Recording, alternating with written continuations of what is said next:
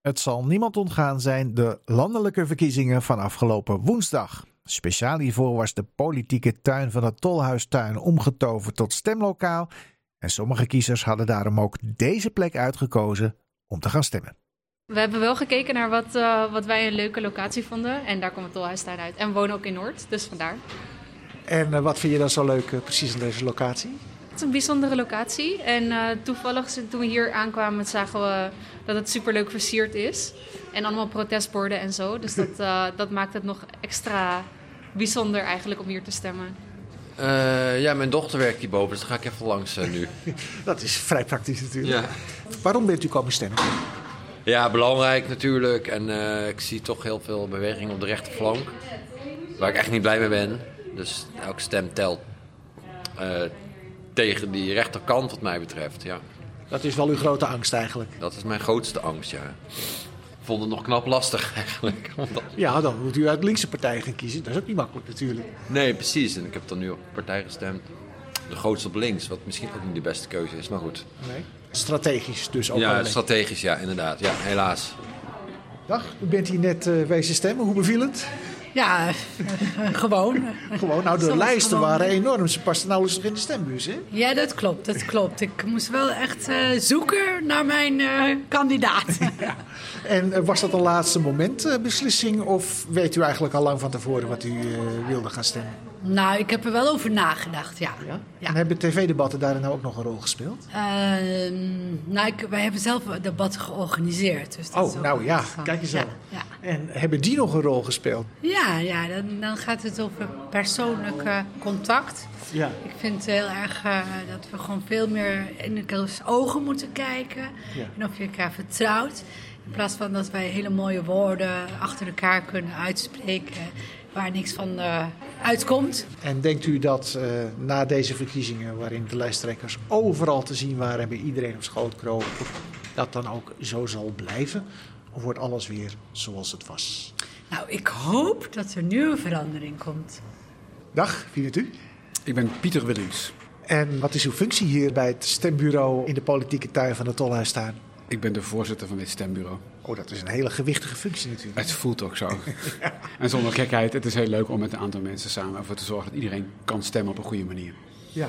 Wat doet u in het dagelijks leven? Ik ben eh, directeur bij een energiebedrijf. Dus Specialist- helemaal niet in de politiek of zo? Niet in de politiek, eh, maar wel betrokken bij verduurzaming en, en, en een betere samenleving. En daar hoort ook bij eh, zorgen voor een goed democratisch proces, dat iedereen daaraan kan bijdragen. Want dat is de reden waarom u hier nu eh, staat? Ik sta hier inderdaad omdat ik vind dat daar waar ik kan, eh, ik zou moeten bijdragen aan het verloop van een goed democratisch proces. En verkiezingen zijn toch een beetje het feest van de democratie. En hoe vindt u dat het met de democratie gesteld is op dit moment? Ja, ik ben een, een optimist. Ik vind dat het goed gaat. Een van de leuke dingen als je op het stembureau werkt, is dat je inzicht krijgt in alle regels en procedures. En die zitten gewoon heel erg goed in elkaar in Nederland. Er is- er zijn heel veel waarborgen voor goed kunnen stemmen. Eh, we, we zorgen ervoor dat mensen met een beperking kunnen stemmen. We zorgen ervoor dat het stemgeheim bewaard blijft. De- alles is openbaar. Het hele proces is openbaar. Ik ben best wel ja, blij of trots hoe we dat in Nederland met z'n allen geregeld hebben. Wat is uw indruk over de opkomst? Hij is oké. Ik had hem nog iets hoger verwacht, heel eerlijk gezegd. En waarom had u hem hoger verwacht? Omdat er zoveel discussie is en zoveel nieuwe partijen zijn. En v- dat er verwachtingen zijn over de nieuwe aanpak. Dat dat het va- ook wel vaak eh, veel stemmers op de been brengt. Desalniettemin verwacht ik dat we weer een prima opkomst hebben. Ik schat hem in op 80% straks. A gut feeling. Ik had ja. feeling, ja. ja. Nu bent u al vanaf vanmorgen hoe laat eh, in touw? Ja, ik ben om, eh, ik ben om kwart voor vijf opgestaan. En ik was om half zes eh, bij het stadsdeelkantoor om alle spullen op te halen.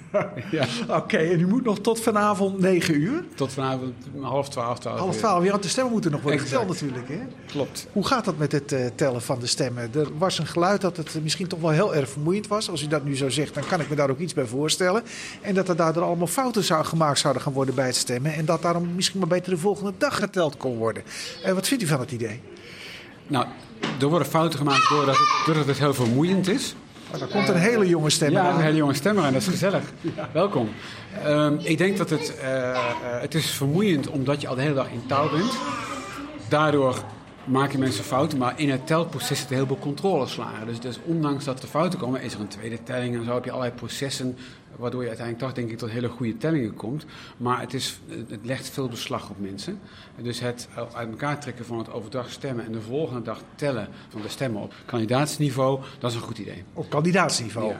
Maar nu wordt er ook al geteld. Nu wordt er ook al geteld, nu tellen we op het niveau van lijsten en, en presenteren we allemaal in de avond al een voorlopige uitslag. Zodat dat meegenomen kan worden en in allerlei media ge- gepubliceerd kan worden en mensen ook het gevoel hebben dat ze snel weten, of feitelijk snel weten, wat er uitgekomen is.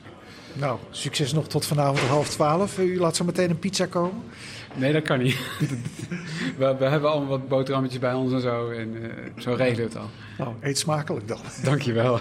Dankjewel.